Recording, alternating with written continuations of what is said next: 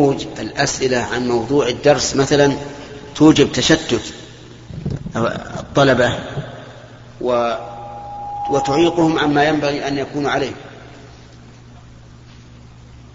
هذا هو الضابط. لكن هناك أسئلة يريدها بعض بعض الطلبة حتى على المقرر لا حاجة لها. والسكوت عنها أولى. ولكن المجيب سيكون عنده حكمة ويبين أن هذا لا, لا فائدة منه وأنه لا ينبغي السؤال عنه ويحصل المقصود إن شاء الله.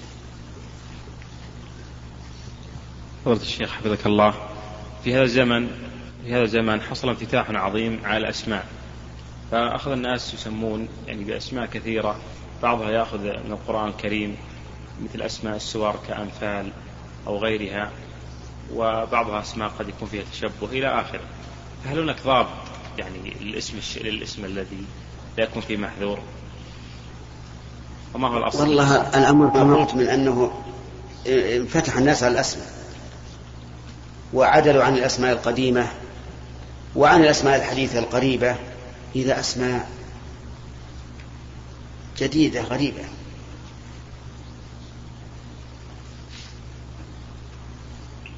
كما تفضلت بعضهم صار يسمي بما يختص بالقرآن مثل بيان أو فرقان. بعضهم يسمي ملك أو ملاك وبعضهم يسمي أبرار إلى غير ذلك. فما شابه ما نهى عنه الرسول عليه الصلاة والسلام أو غيره فإنه ينهى عنه ويغير. وما لا فالأصل فيه الحل. لأن القاعدة الشرعية التي ينبغي لطالب العلم أن يفهمها أن الأصل فيما عدا العبادات الحل سواء في العادات أو في المنافع أو غيره الأصل فيها الحل إلا ما قام الدليل على تحريمه. وأما العبادات فالأصل فيها المنع إلا ما قام الدليل على مشروعيته. لكن مثل بيان نقول لا تسمي به لأن بيان من أسماء القرآن. وهذه المرأة ليست بيانا. قد لا تكون مبينة فضلا عن كونها بيانا. وكذلك أيضا أبرار. إذا كان النبي عليه الصلاة والسلام غير اسم برة إلى زينب أو إلى جويرية فأبرار أولى بالتغيير. لأن برة مؤنث مفرد وأبرار مذكر جمع. وكذلك إيمان أيضا لا يسمى به. وكذلك أسماء الملائكة. لو أراد إنسان يسمي بأسماء الملائكة قلنا لا تسمي بها. مثل بيسمي بجبريل ميكائيل إسرافيل. نعم. و والأحسن أن ترجع إلى كتاب تحفة الودود في أحكام المولود لابن القيم. ذكر فيها شيء طيبا. وأظن الشيخ أبو بكر ألف رسالة في هذا الموضوع. الشيء الذي اللي فيه معذور شرعي يلزم. لا أبرار نقول كما غير الرسول غير. نعم. يا شيخ الله يحفظك. ما رأيك باللي يحتج على رجال الهيئة؟ هم يذكرون الناس في الصلاة. إيش يسوي؟ يحتج على رجال الهيئة وهم يذكرون الناس في الصلاة. نعم. يقول مثلا ما عليك من الناس المرء مؤتمن على دينه. صحيح أن المرء مؤتمن على دينه لكن إذا كان إذا كان يريد أن يخل بدينه. وافق على ذلك؟ فإذا رأينا أناسا قد فتحوا أبواب دكاكينهم والناس يصلون لا بد أن ننهاهم عن هذا. وإذا رأينا ما يفعل منكرا لا بد أن ننهاه. لكن لو أن لو أن إنسان قال لنا إنه آه، قد قد صام رمضان فنحن لا نقول لازم تصوم أمامنا لأن الإنسان مؤتمن على دينه أو قال إني أديت الزكاة فإنه مؤتمن على دينه ما نقول لازم أدى ونحن نشاهد. أما أما رجل نشاهده يفعل المنكر أو يترك الواجب فإنه لا بد أن نأمره بالمعروف ونهى عن المنكر. أليس كذلك يا آدم؟ نعم جزاك الله خير يا شيخ. آه، شيخ ما رأيك بالفتنة الموجودة بين بعض طلبة العلم والمشايخ بالنسبة للشباب بعضهم يتعصب لقول وينكر على الآخر فما تقول في هذه آه الذي أقول فيها أن أن هذا مما يلقيه الشيطان بين الناس بالتحريش بينهم. لأن الشيطان لما رأى الفتح في عهد النبي عليه الصلاة والسلام وقوة الإسلام يأس من أن يعبد في هذه الجزيرة. ولكن بالتحريش بينهم. وهذا هو الواقع. والذي نرى أن الواجب على الشباب وغير الشباب أن يتقوا الله سبحانه وتعالى ويصلحوا ذات بينهم كما أمرهم الله كما أمر الله بذلك. فاتقوا الله وأصلحوا ذات بينكم وأطيعوا الله ورسوله إن كنتم مؤمنين. وأن لا يكون همهم القيل والقال. وكثرة السؤال. بل كل إنسان يرى مصلحته الدينية والدنيوية ويقوم بها. وأما التعرض لأناس بأشخاصهم بالقدح فيهم وقد يكون ليس وقد يكون ليس محل القدح فهذا خطأ عظيم. وقد سئل النبي صلى الله عليه وسلم عن الغيبة فقال هي ذكرك أخاك بما يكره. قال أرأيت إن كان في في أخي ما أقول؟ قال إن كان فيه ما تقول فقد اغتبته وإن لم يكن فيه ما تقول فقد بهته. وغيبة العلماء والأمراء أشد من غيبة غيرهم. لأن غيبة العلماء يحصل بها انحطاط قدر العالم بين الناس وإذا انحط قدر العالم بين الناس لم يكونوا يقبلون ما يجيء به من شريعة الله. فتكون غيبة العالم قدحا فيه ومنعا لما ينتفع به الناس مما يلقيه من شريعة الله عز وجل. وغيبة الأمراء أيضا هي الأخرى مصيبتها عظيمة لأن الناس إذا انحط قدر أمرائهم عندهم فإنهم لن ينصاعوا لأوامرهم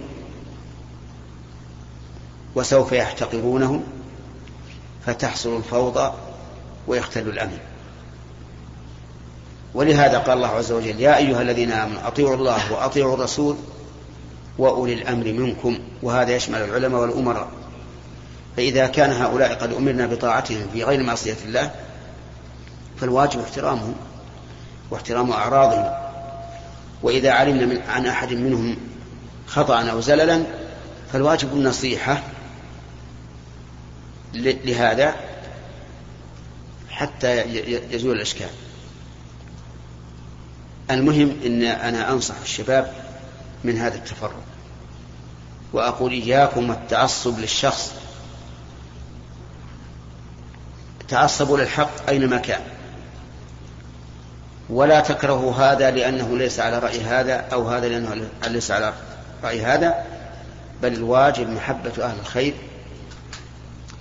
وتجنب نشر المساوي بعده.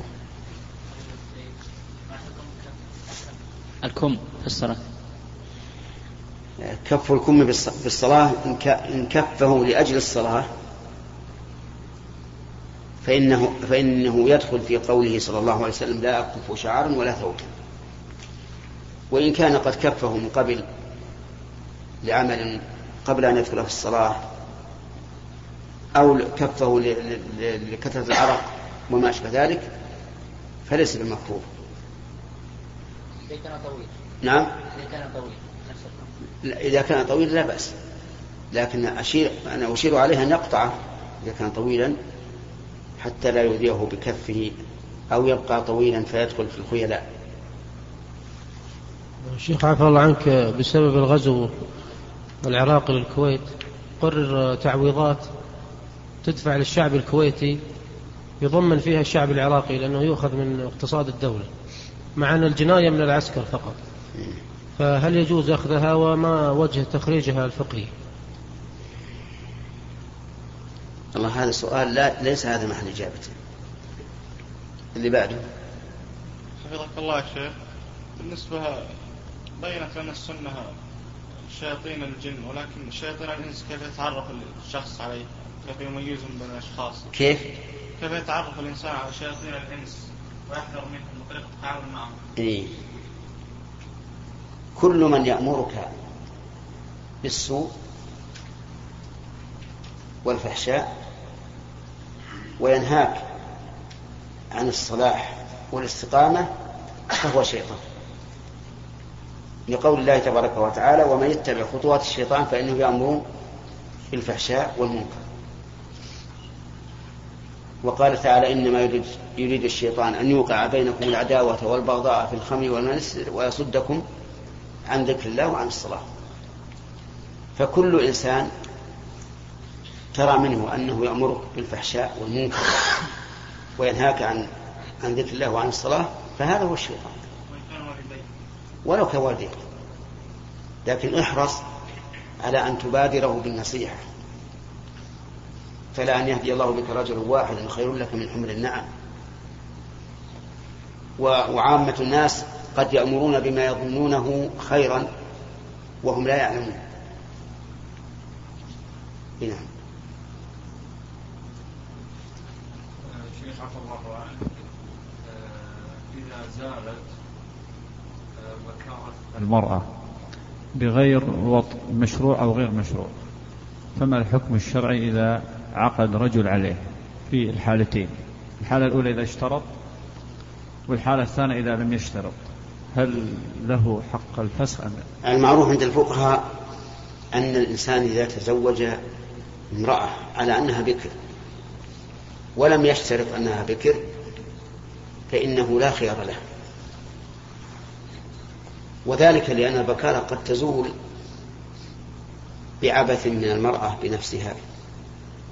أو بقفزة قوية تمزق البكارة أو بإكراه على زنا.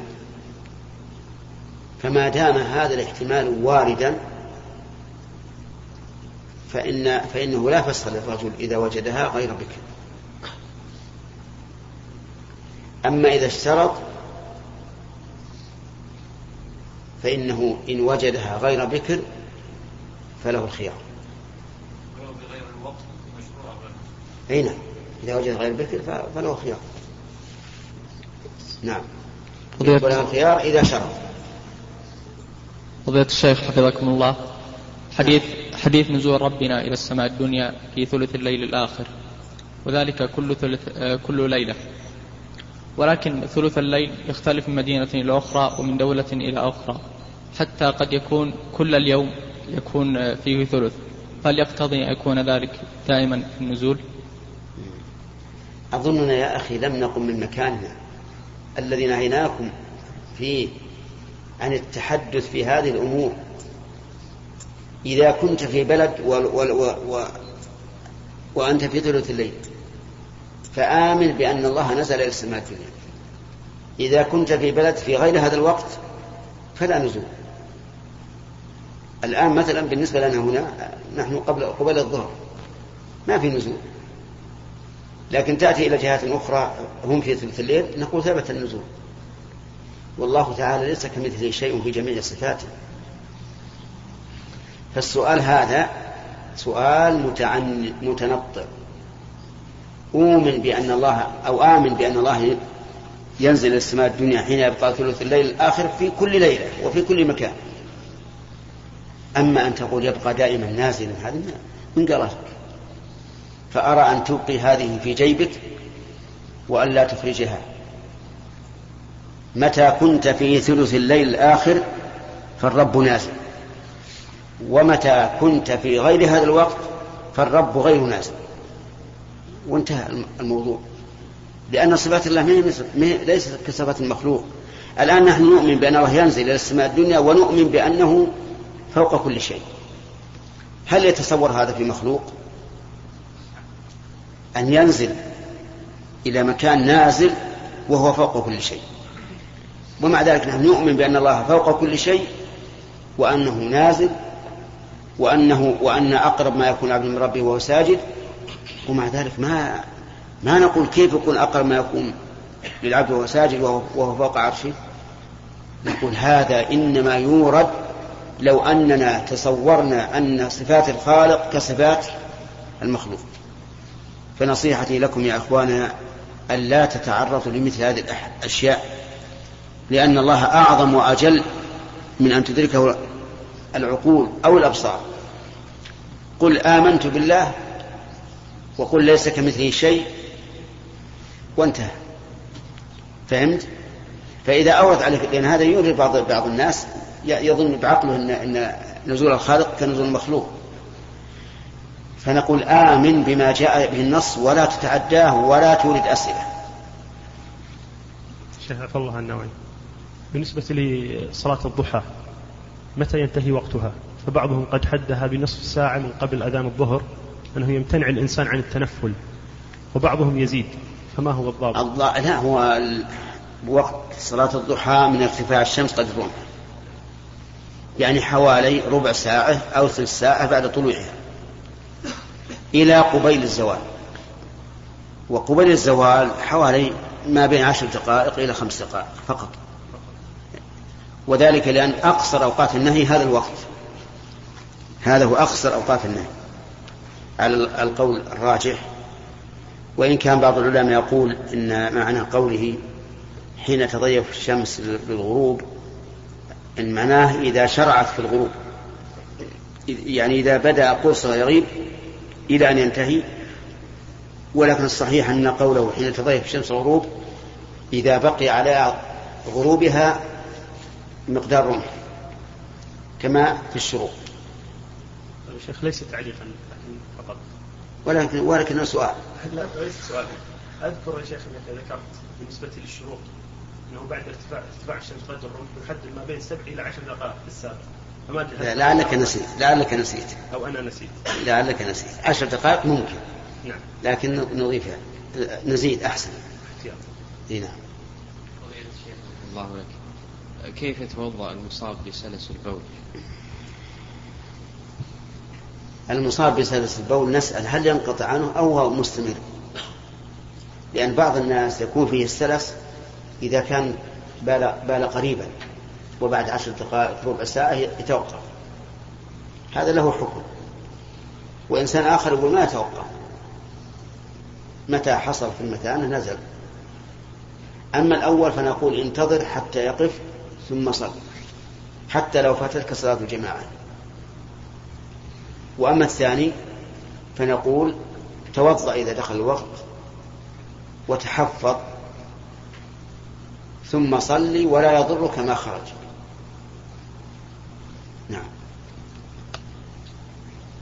فضل الشيخ كيف يعرف من فعل ما صدر من شخص أنه موالاة يعتبر هذا يعني موالاة الكفار وإذا عرف ذلك. فهل يعني يجزم بحكم عليه بحكم ما أم يتوقف ويستفصل ما هو الدافع له على ذلك التصرف؟ نعم. جزاك الله خير.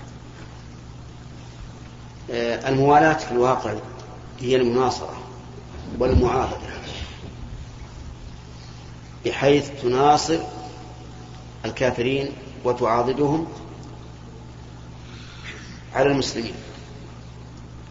فإن عاضدتهم وناصرتهم على كفار مثل أشد منهم فهذا خير.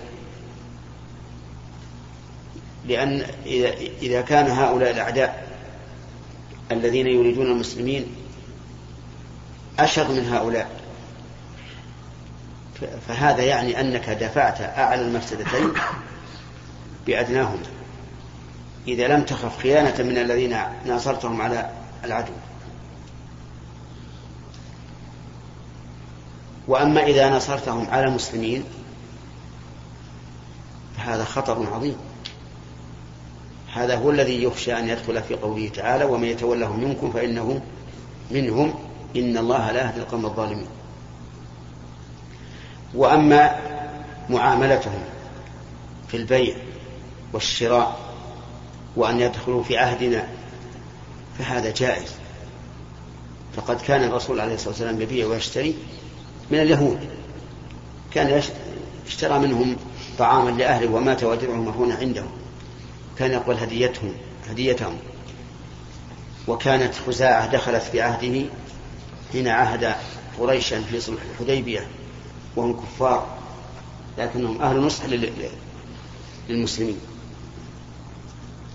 وهذه المسألة من أدق المسائل وأخطرها ولا سيما عند الشباب. لأن بعض الشباب يظن أن أن أي شيء يكون فيه اتصال مع الكفار فهو موالاة وليس كذلك. الموالاة لها معاني كثيرة. ولكن الشيء الذي رحمك الله الشيء الذي يكون خطرا وربما يخرج من الإسلام هو مناصرتهم ومعاضدتهم. نعم. أنت من؟ طيب. ما دام عندك. روي عن الإمام أحمد رحمه الله تعالى أنه قال وجاء ربه وجاء أمر ربه نعم. فبعضهم أورد هذا في أحد كتبه قال مذهب الإمام أحمد التفويض. نعم. وقد لجأ الإمام أحمد وهو إمام أهل السنة لجأ إلى التأويل في هذه الآية. نعم. فما صحة الرواية عن الإمام أحمد؟ وما أولا نعم. تفضل. أولا لابد أن نثبت هذا عن الإمام أحمد. الشيء الثاني إذا قدر أنه رحمه الله أخطأ في هذه المسألة التي لا يقرها هو بعموم كلامه. فل- فلا يعني ذلك أنه معصوم ويقبل خبره ويقبل رأيه. الشيء الثالث ذكرت أنه يفوض. وهذا على إطلاقه فيه نظر. لأن التفويض نوعان تفويض المعنى وتفويض الكيفية. فأهل السنة يفوضون الكيفية ولا يفوضون المعنى بل يقرون به ويثبتونه ويشرحونه ويقسمونه فمن ادعى أن أهل السنة هم الذين يقولون بالتفويض ويعني به تفويض المعنى فقد كذب عليهم. وقد ذكر شيخ الإسلام رحمه الله في كتابه درء تعارض العقل والنقل أن قول أهل التفويض من شر أقوال أهل البدع والإلحاد. هذا الذي يقول بعض الناس إن هذا مذهب أهل السنة والجماعة التفويض. ولذلك يقولون أهل السنة قسمان مفوضة ومؤولة. وهذا خطأ عظيم. أهل السنة مؤولة وأهل السنة مفوضة لكنهم يؤولون إذا دل الدليل على التأويل ويفوضون الكيفية. وأما المعنى فلا يفوضونه. وخلاصة جواب الجواب على سؤالك أن نقول إن صح هذا عن الإمام أحمد فالإمام أحمد ليس بمعصوم. ولكنني لا أظنه يصح هذا يسأل سؤال. ها؟ هذا سؤال. جزاك خير يا شيخ للارتجاع في صلاه الفجر بعد الاذان يعني صلاة صلاه السنة سنة الفجر ثم الارتجاع بعدها. هل هي خاصة بالنبي صلى الله عليه وسلم أم بالإمام أم بعامة المسلمين؟ آه الذي يظهر أنها سنة في حق من يحتاج إليها. سنة في حق من يحتاج إليها. يعني مثل إنسان تعبان فيحب أن يستريح بال- بالاضطجاع من أجل أن يقوى على على صلاة الفجر. وأما من لا حاجة له إليها فلا. وكذلك من يخشى أنه إذا اضطجع نام ولا قام إلا بعد طلوع الشمس. هذا لا يضطجع. لعلنا نجمع. وهذا ما دون أنكحة بدون راتب أحيانا يأتي لي بعض الناس لأعقد لهم وهم خارج المدينة عشرين كيلو متر أو خمسة عشر كيلو متر ثم يدفعون لي مبلغ من المال بدون طلب مني. نقول لا بأس إذا إذا كان بدون طلب منك فلا حرج عليك أن تأخذ ما يعطونك. إلا إذا كنت موظفا فلا تأخذ شيئا في المدينة وخارج المدينة كل واحد. نعم. بعده. ما حكم شهادة الزوج على إقرار زوجته بالبيع والشراء والتو... ما حكم شهادة الزوج على إقرار زوجته بالبيع والشراء والتوكيل وكذلك الوالد على ولده بذلك والعكس؟ حفظكم الله. نعم. يقول العلماء من اتهم بقرابة أو زوجية فإنها لا تقبل شهادته لمن اتهم فيه وتقبل شهادته على من اتهم فيه. وهذا صحيح. فقد قال الله تعالى يا أيها الذين آمنوا كونوا قوامين بالقسط شهداء كونوا قوامين بالقسط شهداء لله ولو على أنفسكم أو الوالدين والأقربين. فإذا شهد الرجل على زوجته أنها فعلت شيئا وهو شهادة عليها فإنها تقبل ولا شك. لكن إن شهد لها فأكثر العلماء يقول لا تقبل لأنه متهم. وقال بعض العلماء إذا كان إذا كان مبرزا بالعدالة ونعلم أنه لن يشهد بشهادة الزور ولا على ولو لزوجته فإنها تقبل أي شهادته وحينئذ أقول إننا نرجع إلى رأي القاضي في هذه المسألة. وخلاصة القول أن الشهادة للوالد أو للولد أو للزوجة الأصل فيها أنها لا تقبل الشهادة لهم والشهادة عليهم مقبولة. والله أعلم. من من ما حكم من يبغض الشباب الملتزمين ويعاديهم ويقول هم شر البلد؟ هل يدخل تحت من أبغض شيء مما جاء به الرسول ولو عمل به؟ الذي يبغض الملتزمين ودعاة الحق من أجل قيامهم بشريعة الله أو دعائهم إلى الحق. فهذا يخشى أن يكون كالذين قال الله فيهم ولئن سألتهم ليقولن إنما كنا نخوض ونلعب ويكون كارها لشريعة الله. وأما الذي يكره الشخص لنفسه ما يعني ما مو علشان ملتزم فهذا لا لا يدخل في الآية. فإن قال قائل ما الفرق؟ قلنا الفرق عظيم. لأن من كرهه لالتزامه فقد كرهه لدينه. ومن كرهه كراهة شخصية فليس لدينه. وأنا أضرب لكم مثلا. بعض الناس مثلا إذا رأى الشاب قد رفع ثوبه إلى نصف الساق. كرهه. لكن لو رأى مشايخنا الكبار قد رفع ثوبه إلى نصف, إلى نصف الساق. هل يكره الشيخ؟ لا. إذا كراهة للشاب مو علشان أنه التزم. لكن بعض الناس يكره هذا الشخص إذا رآه ملتزما ولا يكره مثله إذا كان له قيمته في المجتمع. وهذه المسألة دقيقة جدا جدا. فيجب أن نقول لهذا الرجل هل كرهته؟ لأنه لكراهة ما قام به من السنة أو كراهة شخصية. إذا قال بالأول قلنا هذا كراهة لما أنزل الله والله سبحانه وتعالى يقول ذلك بأنهم كرهوا ما أنزل الله فأحبط أعمالهم. وإن قال لا سواء فعل هذا أو ما فعل هذا. ما أنا أكره هذا الرجل. أو أظن أنه متزمت فأكره لتزمته. فهذا لا, لا يكفر. ولا يكون كالأول.